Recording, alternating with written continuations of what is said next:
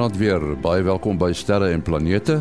Ons het vanaand vir Willie Koorts van die SAAO by ons, ook vir professor Mati Hofman van die Digitale Planetarium, die Bodensterrewag en die Universiteit van die Vrystaat. Ons gaan gou luister na ruimte nuus wat geskryf word deur Herman Turin in Bloemfontein. Die Spitzer ruimteteleskoop is op 30 Januarie na 16 jaar diens afgeskakel. Spitzer kon in die infrarooi spektrum sien en kon de sterre en ruimtevoorwerpe sien wat vir ander teleskope wat in gewone lig sien onsigbaar is. Dit kon ook voorwerpe soos koue planete sien wat in infrarooi effens gloei, maar andersins onsigbaar is. Spitzer is selfs gebruik om die oppervlaktemperature van 'n veraf eksoplaneet te meet en so 'n weerkaart vir die planeet opgestel.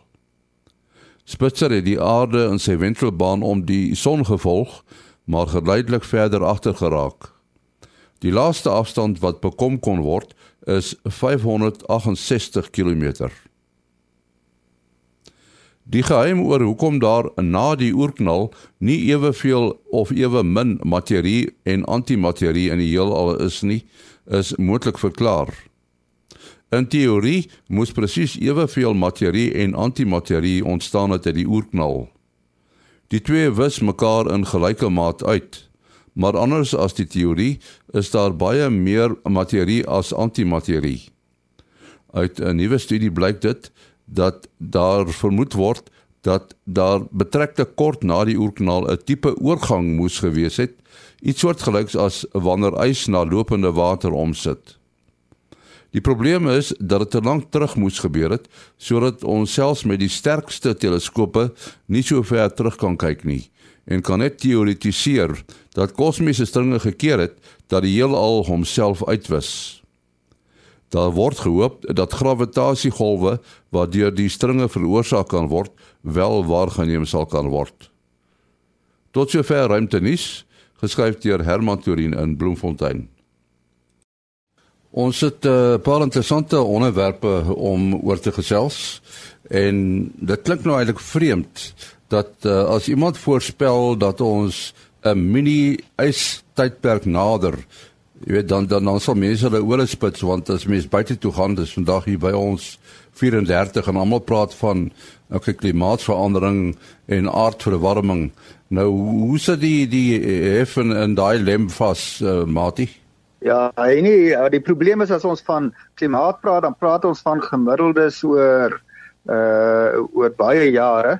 En as ons nou van weer praat, is maar wat ons nou van dag tot dag beleef en uh hier in die binneland is dit word die somer so warm dat jy vergeet hoe koud dit was en weer omgekeerd en uh uh mense intuïtiewe vermoë om statistieke akkuraat te hanteer is is baie swak. So op die ou end is dit nou maar net uh langtermyn wetenskaplike uh, uh studie en uh metings op baie plekke oor 'n uh op 'n gereelde basis en oor 'n baie lang tyd en dan werk as mens nou oor die, die klimaat gaan weet dan uh, 1 graad verandering in gemiddelde temperatuur oor 10 20 30 jaar word daar wel dit sal baie groot wees. So verandering is eintlik baie klein en die, die idee dat mense kan sê wel uh, ja ons kon voel die klimaat verander.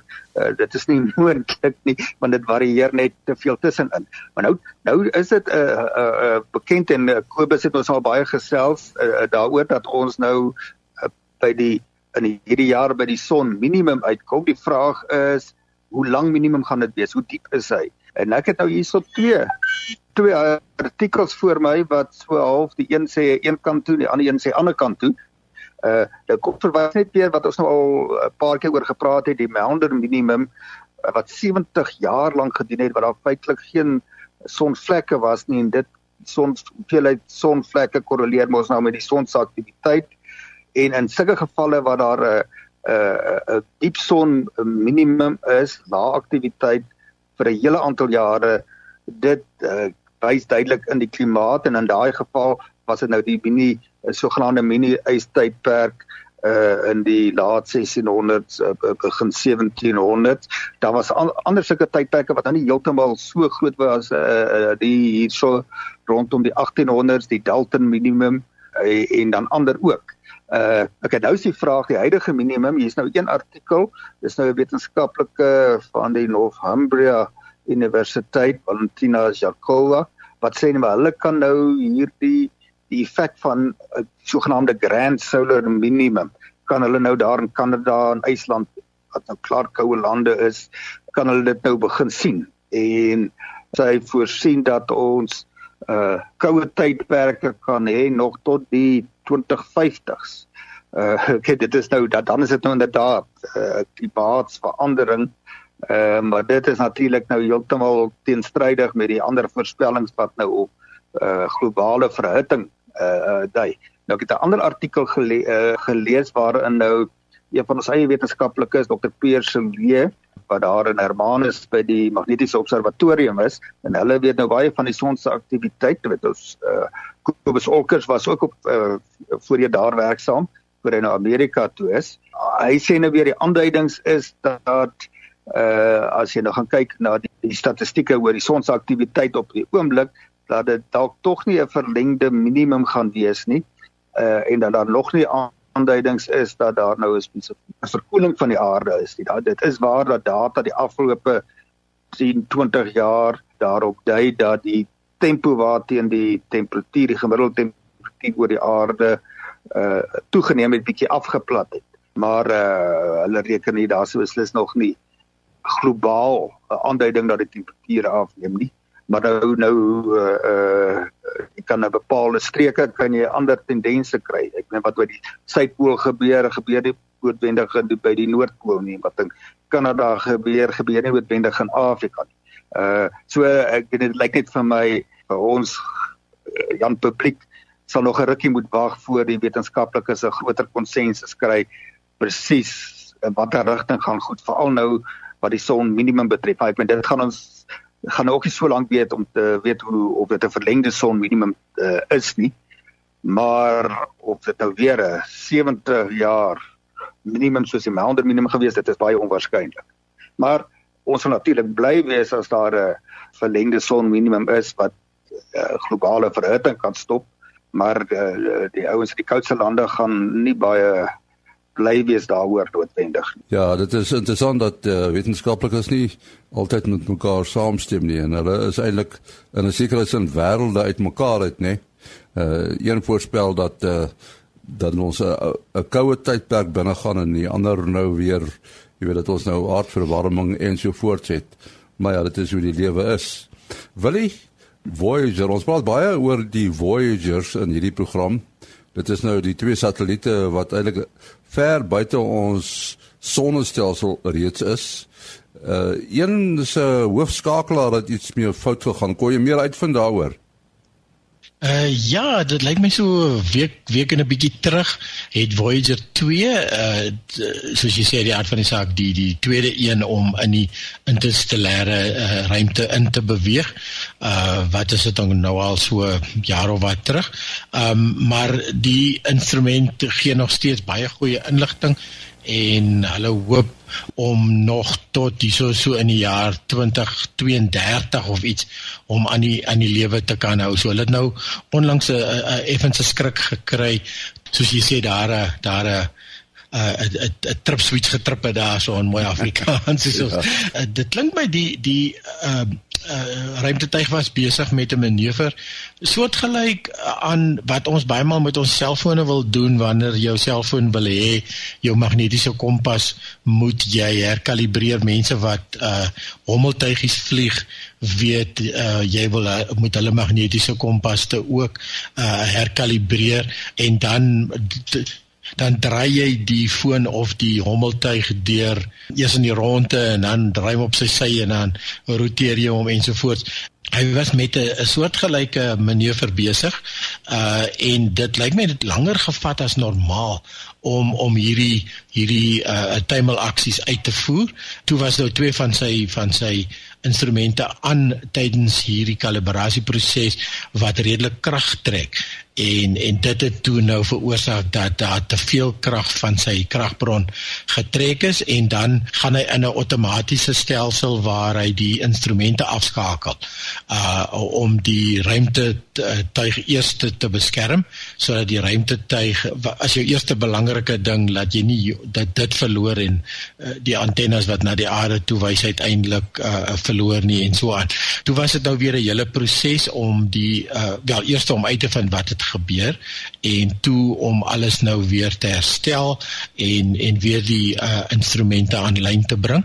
Um nou jou effense probleem op hierdie stadium is dat dit vat 17 uur vir 'n sein om soontoe te gaan en 17 uur om terug te kom. So as hulle enige toetse wil doen, dan moet hulle 34 uur wag na elke toets om om te kyk of die antwoord uh, sin maak of reg is en so aan. Tot omtrent so 'n week gelede wat die laaste berigte wat ek gesien het, het hulle gereken alles is darm weer aan die gang en en behoort te werk, maar hulle het nog nie nuwe data ontvang om net te te bevestig nie. So ja, net interessant genoeg soos jy sê, in 1977 is hulle reeds gelanseer. Die kragbron is 'n ehm um, noem dit maar 'n ja, radioisotoop termoelektriese generator um, wat basies 'n klein kern kernreaktortjie is in hierdie in hierdie meer as 40 jaar wat hy al werk eh, het hy net redelik van sy krag verloor omdat hierdie radioisotope het 'n halflewe wat wat nie nie uh, wat in die omgewing van ek seker wat wat dit trek nie 60 jaar of wat ook al. So op hierdie stadium verloor hy soos 4 watt per jaar en en ek dink die aan, aanvanklike krag was my iets soos 150 watt. Uh, uh so maar soos ek sê hulle hulle hoop daarom nog om toe so tot 2032 die, die ruimteskip aan die gang te hou. So dit dit was was so 'n vinnige 'n vinnige uh um hiccup gewees hierso. So uh, ons ons hoop Voyager 2 gaan nog vir ons lank met baie uh, uh interessante inligting voorsien. Wil jy het nou uh, noem van uh hier by die 17 uur vir die uh syne om te trek. So dit beteken hy's nou na uh meer as 40 jaar is hy nou nog minder as 'n ligdag ver. Dit gaan so 'n paar jaar vat voor hy 'n ligdag afstand bereik. Uh, ja. So dit gee nou maar 'n aanduiding nê nee, as ons nou van die sterre praat dan is dit nou die naaste ster uh die Alpha Centauri stelsel is uh so net oor die 4 ligjare en is ons nog nie eers by 'n ligdag met die mensgemaakte voorwerp nie. Ja, ja. dit dit is dis verder as 'n karoo pad nê. Nee. Daar is uh dalk van u wat al by was toe 'n uh, vuurpyl gelanseer word daarvan uh, Kaap Canaveral af, Kaap Kennedy af en wat beleef het hoe hard die geluid is wat uh, ontstaan van weer die vuurpyl se lansering. Maar Matie is is dit nou eintlik die hardste geluid wat mense van weet? Ja, dis nou 'n interessante uh uh, uh onderwerp. Uh die hardste klank wat 'n mens kan hoor is eintlik 194 desibel. Want by daardie klankintensiteit is die 'n uh, uh, klankgolf is uh, alternerende hoë druk laadruk gebiede wat dan nou so voortplant as 'n longitudinale golf en so jy die hoë druk gebied en die laadruk gebied, maar die laadruk gebied kan nie laer as vakuum gaan nie. En die en dit gebeur by 194 desibel in in ons atmosfeer. Uh as jy nou ander gasse, ander gassamestelling met ander digthede het, kan dit nou anders wees. Enigiets hoër as dit in de desibels is eintlik dan 'n uh, 'n skokgolf wat die lug as ware regtig in een rigting verplaas, wat jy kan uh as ware omwaai terwyl 'n klankgolf gaan die lug net heen en weer. Dit word nie in een rigting uh verplaas nie. Nou as ons nou so van desibels praat wat uh dit as jy nou wat kort verwys nou net gou-gou die geweldige harde geluid wat jy nou uh, so skuins na verwys het die uh, Saturnus 5 vuurpyle wat vir vir die Apollo sendinge gebruik het. Ja, dit was 'n entjie oor die uh, so bietjie oor die 200 desibels. So beteken dit was nie net 'n klank nie, daar was 'n golf uh, element uh, by gewees. Nou die alledaagse lewe kry ons nou met uh, klank te doen weet so die alledaag uh, weet soos jy nog gesels en so aan 50 desibel 60 desibel ons harde baie harde musiek luister 80 desibel maar nou moet jy se gedagte hou vir elke 10 desibel wat jy hoor gaan, is dit omtrent 2 maal meer klankenergie. Gaan jy nou van 50 na 100 desibel, dan is dit 2 tot die mag 5 maal meer klankenergie. En uh uh as ons nou van 125 desibel, dit is waar dit begin na pyn voel. Wat wat jy oor 'n uh, fisies begin pyn. En uh as jy lankdurig aan klank blootgestel word hiervan kom sê 85 desibel afhangende van hoe lank en presies hoe hoe hard die klank is kan dit tot 'n uh, uh, gehoorskade lei. Nou uh, uh die artikel wat ek nou gelees het was daar op 'n stadium rekord uh, wat hulle in die Guinness Book of Records gehou het oor die orkes wat die hardste gespeel het. En dis nou nie 'n baie goeie ding om op te roem nie.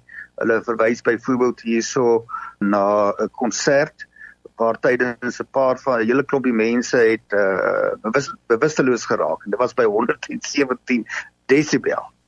Maar nou 'n baie interessante stukkie inligting. Die hardste klank uh, uh ja, dan sit nou nie 'n skokgolf nie, maar die hardste klank uh, wat deur die mens opgeteken is was in uh 1883 met die vulkaniese uh, uitbarsting by Krakatoa. Nou dit was 'n geweldige gebeurtenis en op 'n afstand van 160 km van Krakatoa af was die klank uh waargeneem is 172 desibel. Oeh. Ek weet nou nie hoe hulle presies dit is nou lank terug hoe hulle dit presies dit bereken het nie, maar uit die meetinstrumente op uh, skepe uh, ander omgewings wat naby genoeg was, kon hulle dit nou aflei. Nou onthou nou wat het ons nou nou gesê by 117 desibel het 'n paar mense bewusteloos geraak. Naaste mense aan Krakatoa was op 'n boot soos net oor die 60 km en die meeste van daardie mense op die skip se se oordromme het uh, gebars. Nou die geluid is waargeneem, dit het soos hulle sê soos ge, uh, artillerie geweerskote uh, geklink 4800 km ver. So is dit is die klank nog gehoor. Dit is net iets wat 'n mens jou nou nie kan kan voorstel nie. Maar dan was daar ook 'n uh, 'n skokgolf element wat 3 keer rondom die aarde getrek het en wat pieke veroorsaak het by lugdrukmetings wat in Frankryk gedoen is uh en so aan. Nou is dit natuurlik die uh, Krakatoa gebeurtenis het 'n geweldige klomp stof in die atmosfeer ingegooi wat nog vir 'n hele paar jaar lank duidelik gesien kon word met sonsondergange uh en so aan. Ja, ek wonder hoe sou dit vergelyk met 'n kernbomontploffing Hiroshima? Uh ja, ja, dit het hulle ook iewers genoem. Daar's die daardie die grootste atoombom nog wat se Tsarbom en en hulle praat daarso van 'n uh, uh, syfer van so 224 desibel.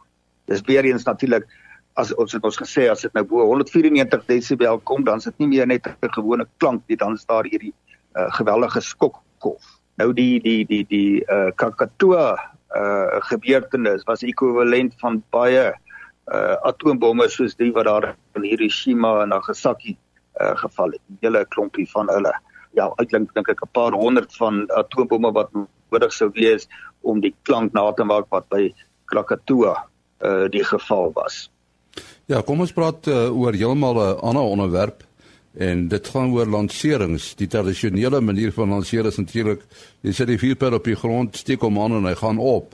En uh, dan is daar ander soort lanserings van vliegtye wat baie hoog vlieg en dan 'n vuurpyl so in die vlug lanseer en die gaan dan nou verder. Maar daar's 'n ander soort lansering wat ek nou van gelees het. Dit is 'n sogenaamde ek weet nie of ou dit 'n slingervel lansering moet noem of 'n hamergooi lansering nie, wil jy? Uh ja, definitief erns tussen die twee uh, afhangende van wanneer jy die kabels sny. Ja, iets iets soortgelyks. Ja, want soos jy sê, tradisioneel skiet jy 'n vuurpyl op en jy gaan dan basies reguit. En en uh maar jy gebruik 'n hele klomp krag en 'n hele klomp uh energie en dit kos alles geld uh en dit is nie te goedkoop om daardie snelhede te bereik om die aarde se ontsnapsnelheid van 28600 km 'n uur as ek reg onthou te bereik nie enigiets minder is dit dan val jy val, val jou vuurpyl terug. So jy, dit is ongelukkig die spoed wat jy moet bereik as jy moet ergens kom. Jy het nou genoem van die Stratolaunch system uh wat 'n groot vliegtyg is wat hulle die vuurpyl onder hom vasmaak. Hy vlieg baie hoog en en uh, daarna lanseer hulle maar nog steeds met met vier pile. Eilik oor baie jare al het hulle al kyk is daar nie ander maniere hoe 'n mens kan lanseer sonder om ehm um, kan maar amper sê net 'n uh genoeg lading in 'n kanon wil sit en dan skiet jy die ding. Nou ja, dit is eintlik nou baie kragte betrokke in die die die vuurpyl moet kan oorleef wat jy uh om om om so die projektiel in die geval om de, daarom uh, uh in die ruimte in te kom en so aan. So, so NASA het op 'n skool uh, self dit ondersoek en uh, uh gedink aan uh, of, of eintlik tot die slotsom gekom dit is nie koste effektief nie. En um in in in die afgelope tyd was daar twee maatskappye Slingertron en en dan nou hierdie Spinlaunch uh, systems wat daaraan gedink het om om iets in die ronde in die ronde te swaai eerder as as reguit want as jy nou net 'n lang genoeg spoor het kan jy hom mos maar op die spoor laat laat loop en versnel elektries of of hoe ook al soos 'n trein kan jy maar amper sê totdat jy genoeg spoed het. As jy jou sommetjies gaan maak, gaan jy nie regtig 'n lank genoeg spoorlyn of wat ook al 'n lank genoeg 'n uh, uh, um, stelsel kan kry nie. So die die die enigste is maar wat soos wat jy 'n partikel in 'n in 'n versneller ook uh, in die ronde in die ronde swaai al hoe vinniger al hoe vinniger tot uh, ek meen in hierdie versnellers by vore uh daar by Temba Labs byvoorbeeld word die, die atome 'n klein fraksie van die van die spoed van lig uh, uh versnel voor hulle dan uiteindelik in jou in jou uh, bron ingepots word om om die eksperimente te doen.